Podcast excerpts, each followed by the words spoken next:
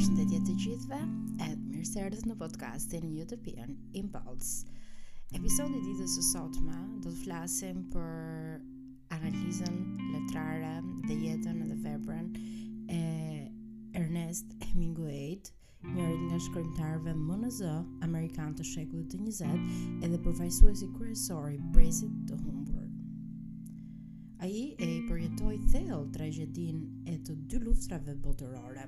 U gjend disa herë përballë me vdekjen edhe shkroi një letërsi ku dhunës njerëzore i kundërvihet dashuria dhe kotësisë e zhgënjimit të jetës, përpjekja për të qëndruar me çdo çmim edhe me çdo kusht për të bërë rezistencë.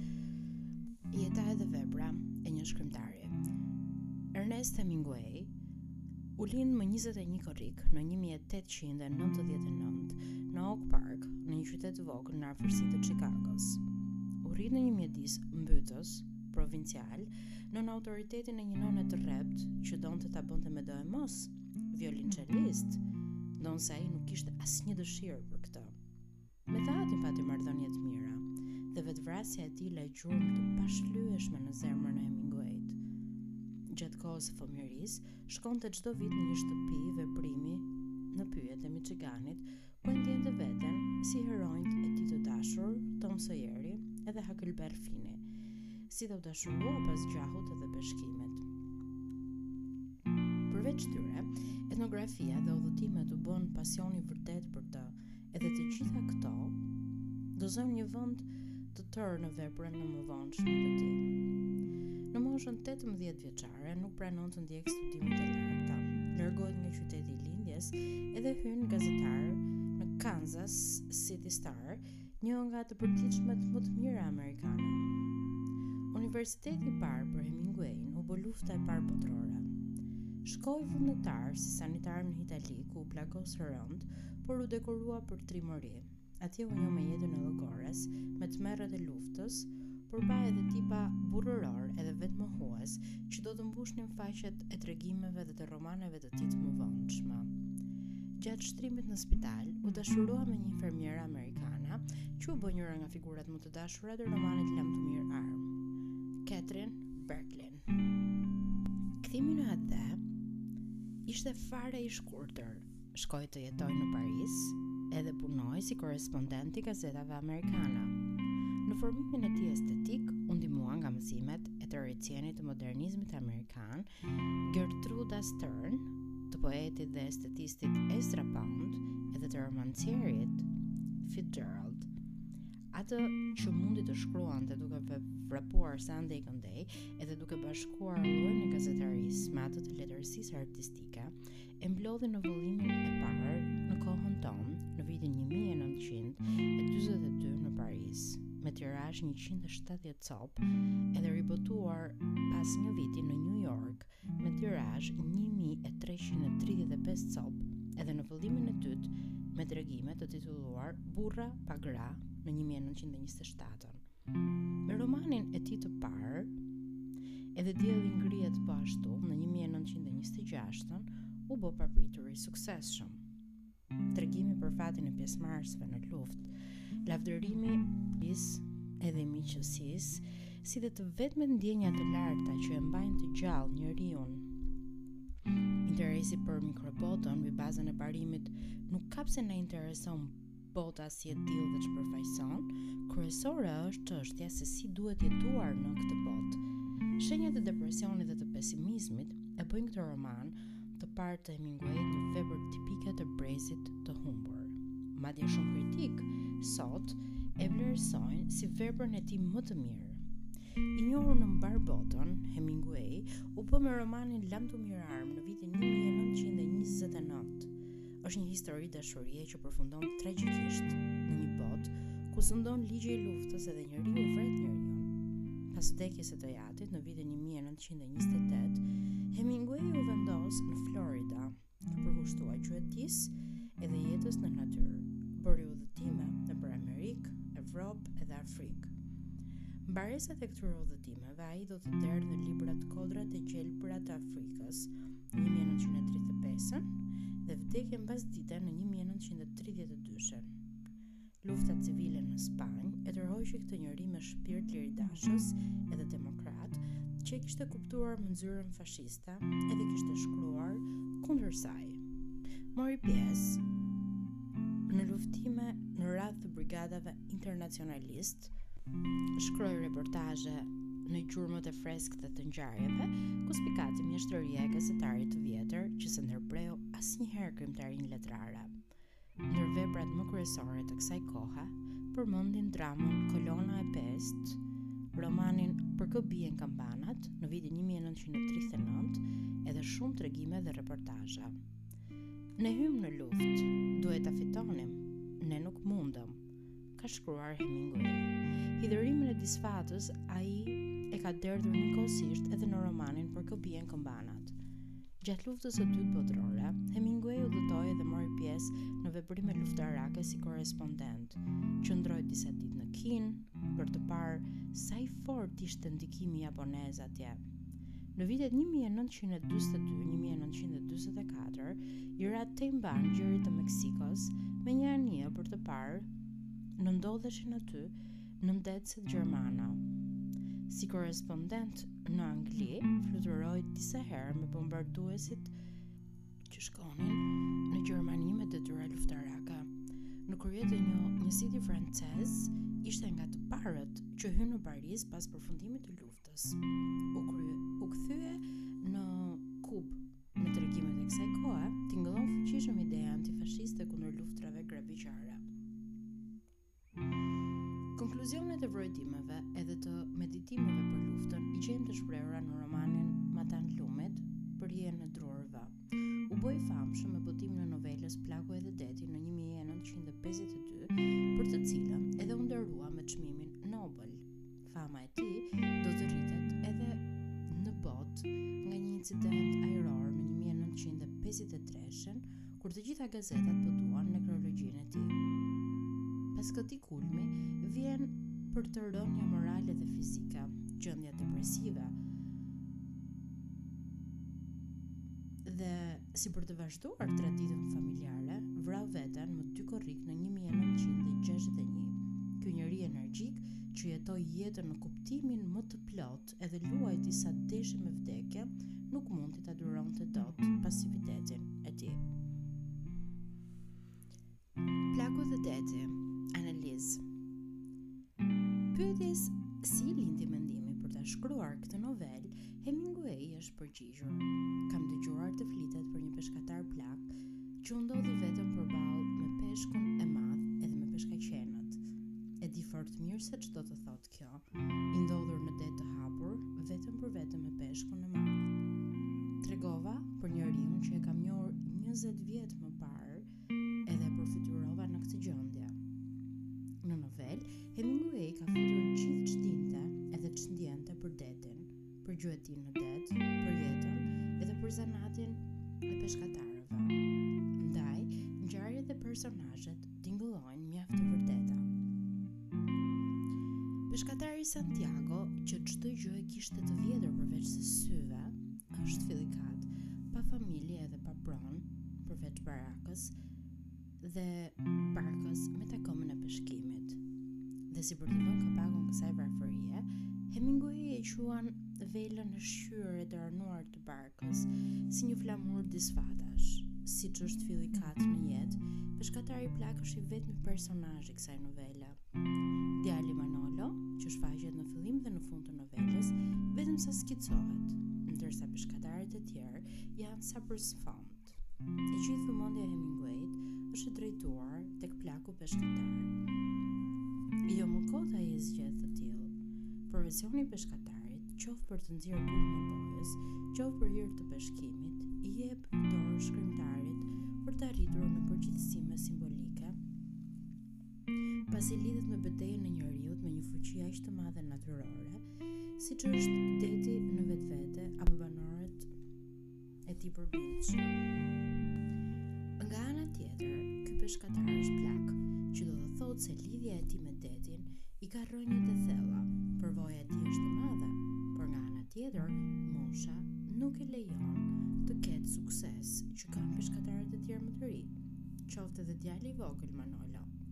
Plaku ka 84 ditë që s'ka zënë asnjë peshk. Kjo disfatë paralajmëron ose nënshtrimin e plakut dhe ndarjen e tij përfundimtare me detin, ose përqendrimin e të gjitha forcave të tij mendore, shpirtërore, fizike për t'u përballur për herë të fundit me detin që simbolikisht përfaqëson jetën. Plaku dhe peshku. Shumica e faqeve të novelës i zë marrëdhënia e plakut me peshkun, i cili bie në grepin e tij. Kjo është një marrëdhënie tepër e veçantë. Fillimisht, nuk kuptohet se është plaku që ka zënë peshkun, apo peshku që ka mbërthyer plakun. Tri ditë e tri net ata shkojnë nëpër hapësirat ujore të ngërthyer te njëri-tjetri pa asnjë mundësi shkëputjeje. Gjatë gjithë kësaj kohe, plaku me toje në kurriz ka mundësi të meditojë apo të kryejë punë të tjera në barkë, të hajë madje edhe të flërë. Të krijohet ideja se kështu ata mund të ecin me vite. Meditimi i plakut jepet në formën e një bashkëbisedimi me veten, me kujtimet, me peshkun apo edhe me zogun e detit që u sillet mbi krye. Shpesh, plaku Të duket sikur filozofon, por gjithçka është kaq e natyrshme dhe e besueshme në mendimet e tij, pasi ato dalin prej përvojës së tij jetësore, edhe prej intuitës së lindur. Ai e quan peshkun mik, i lavdëron atij mençurinë dhe bukurinë e fizikut e megjithatë, i thotë, "Unë do të të vras." Që nga çasti kur peshku ra në grackë, edhe deri kur plaku arriti ta vrasë, është një art i rrallë peshkimi, Sa zor mund të besosh që plaku tërë këtë e bën për të fituar bukën e gojës. Madje edhe vetë thotë se unë ty o peshk të vrava nga kryelartësia. Pra kemi shmangje nga qëllimi i parë i nevojave utilitare të një peshkatari dhe vënien e tij përpara një prove të madhe. Je apo s'je peshkatar i zoti? Je apo s'je burrë i zoti? Plaku edhe peshkaqenët. Ishte tepër e bukur për të vazhduar, thotë plaku, në çastin kur pa peshkaqenët e parë t'i vërsuleshin peshkut të tij. Ëndrra për t'u kthyer në stere si dikur fitimtar merr fund, sepse një kuptim e kaluar s'kthehet më, pasi gjithçka nuk është më si më parë. Ideja e kundërt është veçse iluzion ose utopi. Plaku zgjohet edhe lufton me të gjitha mjetet që ka deri te lopata edhe timoni i barkës. Mençuria dhe përvoja ia kompensojnë fuqitë e pakta fizike. Edhe ai arrin të vrasë disa peshkaqenë. Po ndërkohë, Ata i kanë ngrënë peshkun. Është një luftë e ashpër, e ftohtë, ku ngrenë krye instinktet e urisë dhe instinktet e pronësisë së gjahut. Del kështu natyrshëm ideja e luftës për ekzistencë. Fitorja edhe disfata. Le të bëjmë bilancin e fitoreve dhe të humbjeve të plakut. Luftoi me peshkun edhe e mundi. Luftoi me peshkaqenët edhe i mundi. Arriti të kthehej gjallë në breg, me skeletin e peshkut të lidhur pra-, pas barkës, si dëshmi e fitoreve të tij. Nuk arriti të mbronte peshkun nga peshkaqenët, u kthye me skeletin e peshkut si dëshmi e humbjeve të tij. Pra në një mënyrë, plaku edhe ka fituar, edhe ka humbur. Kjo tregon se ai ka luftuar edhe luftë pa humbje nuk ka. Në vetëdijen e plakut në imazhin e ëndrrave të tij lëvizin luanët, këto kafshë madhështore me bukurinë dhe forcën e tyre që lidhin detin me tokën. Humbjet me fitoren. vdekjen me jetën. Është kjo një mbyllje optimiste e përforcuar edhe me adhurimin e djalit ndaj plakut, si për të treguar vazhdimësinë e traditës së qëndresës. Gjuha e thjeshtë, pa mbingarkesa stilistikore, stili i rrjedhshëm e lakonik, vërtetësia në mënyrën e rrëfimit e bëjnë këtë novelë nga më të lexuarat në botë. Vetë Hemingway nuk ka lejuar të teprohet me domethënien e figurave simbolike. Jam përpjekur të jap një plak të vërtetë, edhe një djalë të vërtetë, ka thënë ai, duke dëshmuar edhe një herë për forcën origjinale të artit të tij. Për këtë novelë në vitin 1952, Hemingway fitoi çmimin Nobel. Ekranizimi i saj mbahet si një nga arritjet e artit kinematografik botëror të mëdha. Parimi i ajsbergut.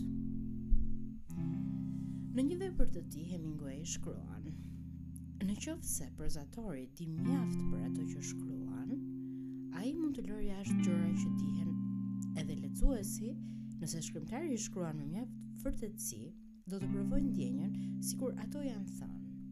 Dinjiteti i lëvizjes së një ajsbergu ka të bëjë me një të tretën e tij që është mbi ujë. Heronjtë e Hemingwayit në pamje të parë duken të ftohtë, indiferentë. Në fakt kjo është vetëm shfaqja e tyre. Pasi cilësitë kryesore të karakterit qëndrojnë të fshehura në nëntekstin e frazës.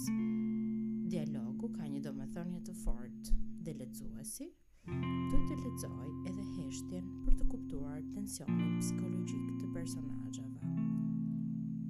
Me fare pak paragrafë, Hemingway paraqet një situatë sugjestionuese për lexuesin, i cili bëhet pjesëmarrës në të. Me një spontanitet logjik, e artistik, ai rendit sipas radhës pamjet, tingujt, shijet, ngjyrat, pothuajse gjithë modin, pa sqaruar edhe pa komentuar asgjë.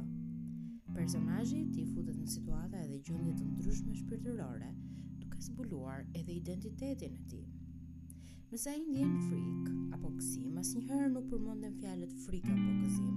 Përkundrazi, përdoren fjalë që qëndrojnë tepër larg këtyre, ndërsa detaje të tjera të krijojnë situatë, të çojnë te frika apo te gëzimi i personazhit.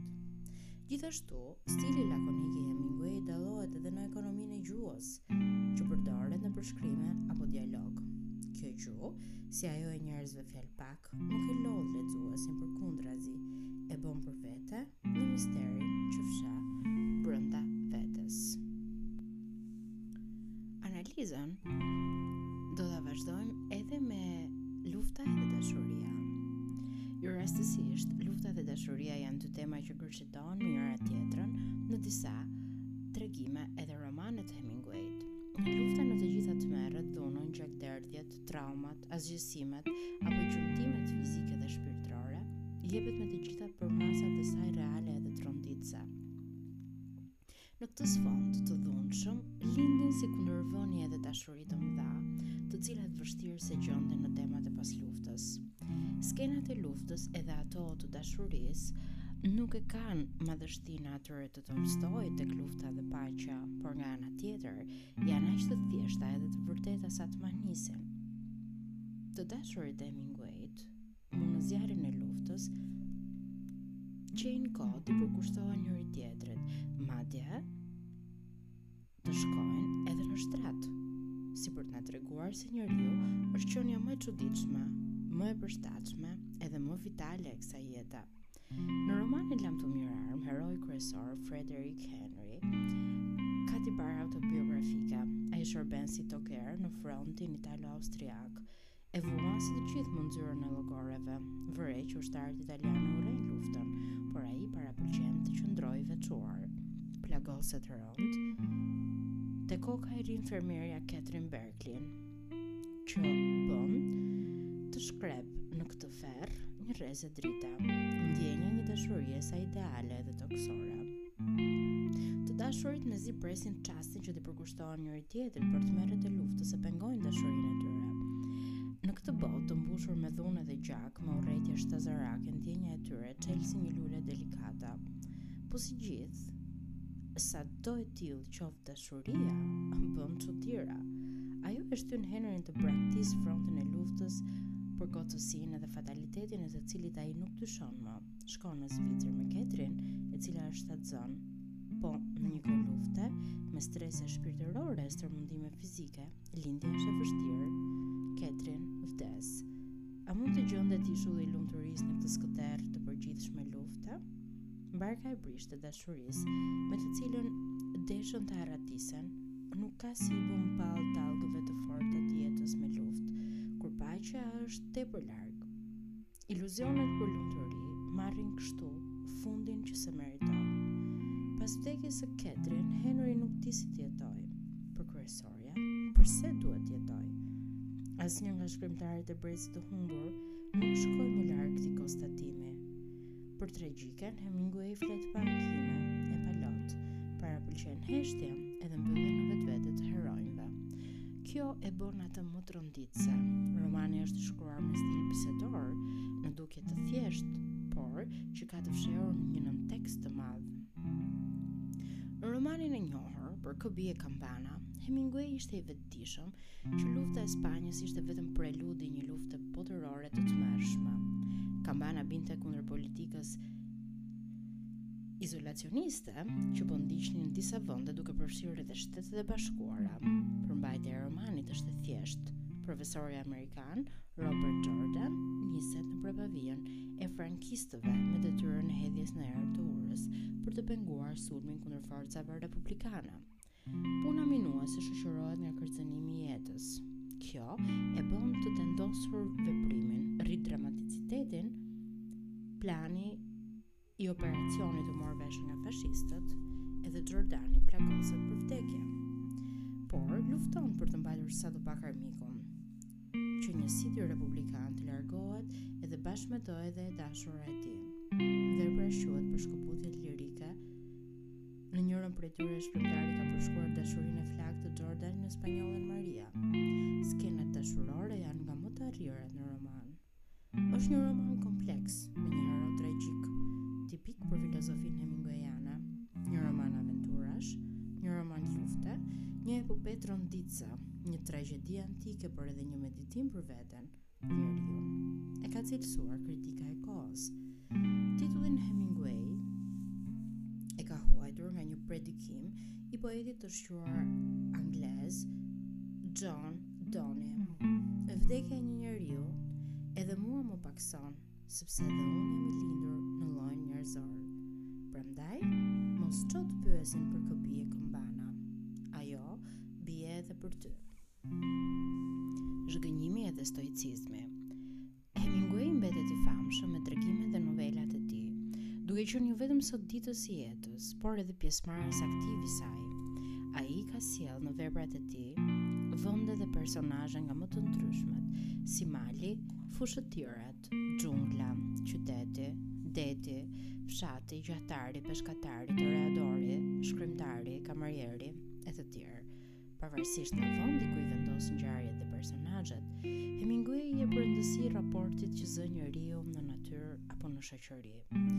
Tema e zhgënjimit të njeriut pas luftrave tragjike zë një vend të rëndësishëm edhe gërshetohet me idenë e kotësisë, të hiçit, të mungesës së plotë të shpresës. Në tregimin e shkurtër, një vend i pastër edhe plot dritë, Të trondit frika deri në ngushti, përpara një gjendje të papërcaktuar, kur s'ka kush të pret, edhe ti vetë s'ke kë pret. Plakut pasanik edhe baristit plak nuk u iket nga lokali i pastër e plot dritë, pasi nuk gjejnë në këtë botë të pistë e të errët asnjë vend më të mirë se ky. Ideja e vetëvrasjes, vetëm sa pëshpëritet nga dy kamarierët që përflasin, se plaku kishte dashur të vriste veten, ndërsa tani donte vetëm të pinte derisa të dehej dhe nëse kish mundësi të mos ngrihej fare nga lokali. Baristit plak, edhe klientit plak, iu kundërvihet kamarieri i ri, i cili donte të shkonte sa më herët në shtëpi, sepse e priste e shoqja. Po në këtë kundërvënie simpati Tija e autorit nuk qëndron aspak në anën e këtij të fundit. Përkundrazi, Hemingway e quan atë me ironi, ai që kishte grua, si për të treguar se me njeriun që nuk arrin të kuptojë e të ndjejë se sa e kotë është jeta që bën, as që ia vlen të merresh. Ndërsa plaku është mjaft dinjitoz, edhe nëse i merren pak mend, nga pija. Ideja e kotësisë, e mpleksur me zhgënjimin dhe vetminë, jepet mjaft e arrirë artistikisht në novelën Dëborërat e Kilimanxharos. Fati i shkrimtarit që vdes nga një shkak absurd i rëndomtë, ka nota autobiografike. Gangrenizimi i këmbës është simbol i një jete që sa vjen dhe dekompozohet prej rehatisë dhe parasë nga njëra anë edhe mungesës së qëllimit nga ana tjetër. Mbi kokën e tij vërtiten zogj kërmëngrënës edhe hiena lëshon përherë pas here zhurma të frikshme. I vetmi që qëndron i paprekur në majën e malit me dëborë të Kilimanxharos është skeleti i një leopardi. Është ky simboli i kërkimit të shkrimtarit përtej të zakonshmes në absolutën, por edhe kjo mbetet përsëri një qëllim në vetvete. Askush s'di që të thotë se ç'kërkonte leopardi në një lartësi të tillë. Ndjenja e kotësisë ka hyrë edhe në mes të dy çifteve, të dy tregimeve perla të Hemingwayt, kodra si elefantë të bardhë, edhe macja në shi.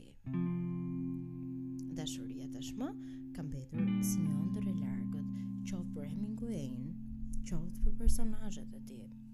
Në tregimin e parë, që vajzës i duken kodrat si elefantë të bardhë, i duhet të bëjë abort pa dëshirën e saj, ndërsa partneri që s'e shqetësojnë kodrat që vështron vajza përpiqet t'i mbushë asaj mendjen se dështimi, pa e përmendur fare këtë fjalë, është një gjë fare e thjeshtë. Revolta e vajzës se mos bëjmë gjë tjetër ne vetëm shohim përreth e provojmë pije të reja, Tingëllon si një kambanë për një dashuri tashmë të vdekur. E njëjta situatë është edhe te tregimi Macja në shi. Në një hotel është vendosur një çift amerikan që s'i lidh gjë tjetër me njëri-tjetrin, përveçse inercia e një dashurie të shkuar. Ndërsa këtu Moti nuk është me diell por me shi. Gruaja nuk e gjen shpëtimin te elefantët e bardhë, por tek një kotele e vogël poshtë dritares së saj që dridhet nëpër shi. Në këmbim të dëshirës për të patur atë kotele, punëtorët e hotelit i sjellin një mace të madhe laramane si një zhguall breshke. Kjo, për ironi të fatit apo për të treguar se jetën duhet ta marrësh siç të vjen. Të gjithë personazhet e Hemingwayt, ndonëse janë vetmitarë e plot brenga, nuk i shprehin ndjenjat e tyre, nuk janë llafazanë, edhe nuk të lodhin me hallet e tyre. Përkundrazi, ata janë fjalëpakë edhe kjo i bën çuditërisht të bukur në brengën e tyre, joshës në heshtjen e tyre. Por përveç personazheve që janë në udhëkryq, Hemingway Na sjell në veprën e tij edhe një sërë personazhesh të tjerë me karakter të fortë, kurajoz, burrëror dhe stoik që din të luftojnë deri në çastet e fundit të jetës. Edhe njëri prej tyre është peshkatari plak i novelës së famshme Plaku edhe deti. Edhe këtu do të mbyllim edhe këtë episod duke ju falënderuar pafund për vëmendjen tuaj, edhe duke shpresuar shumë që t'ju ketë pëlqyer. Dhe ju rikujtoj që të abonoheni në podcastin Utopian Impulse edhe të shkarkoni të gjitha episodet. Ju përshëndes edhe ju mirëpres në episodin e radhës.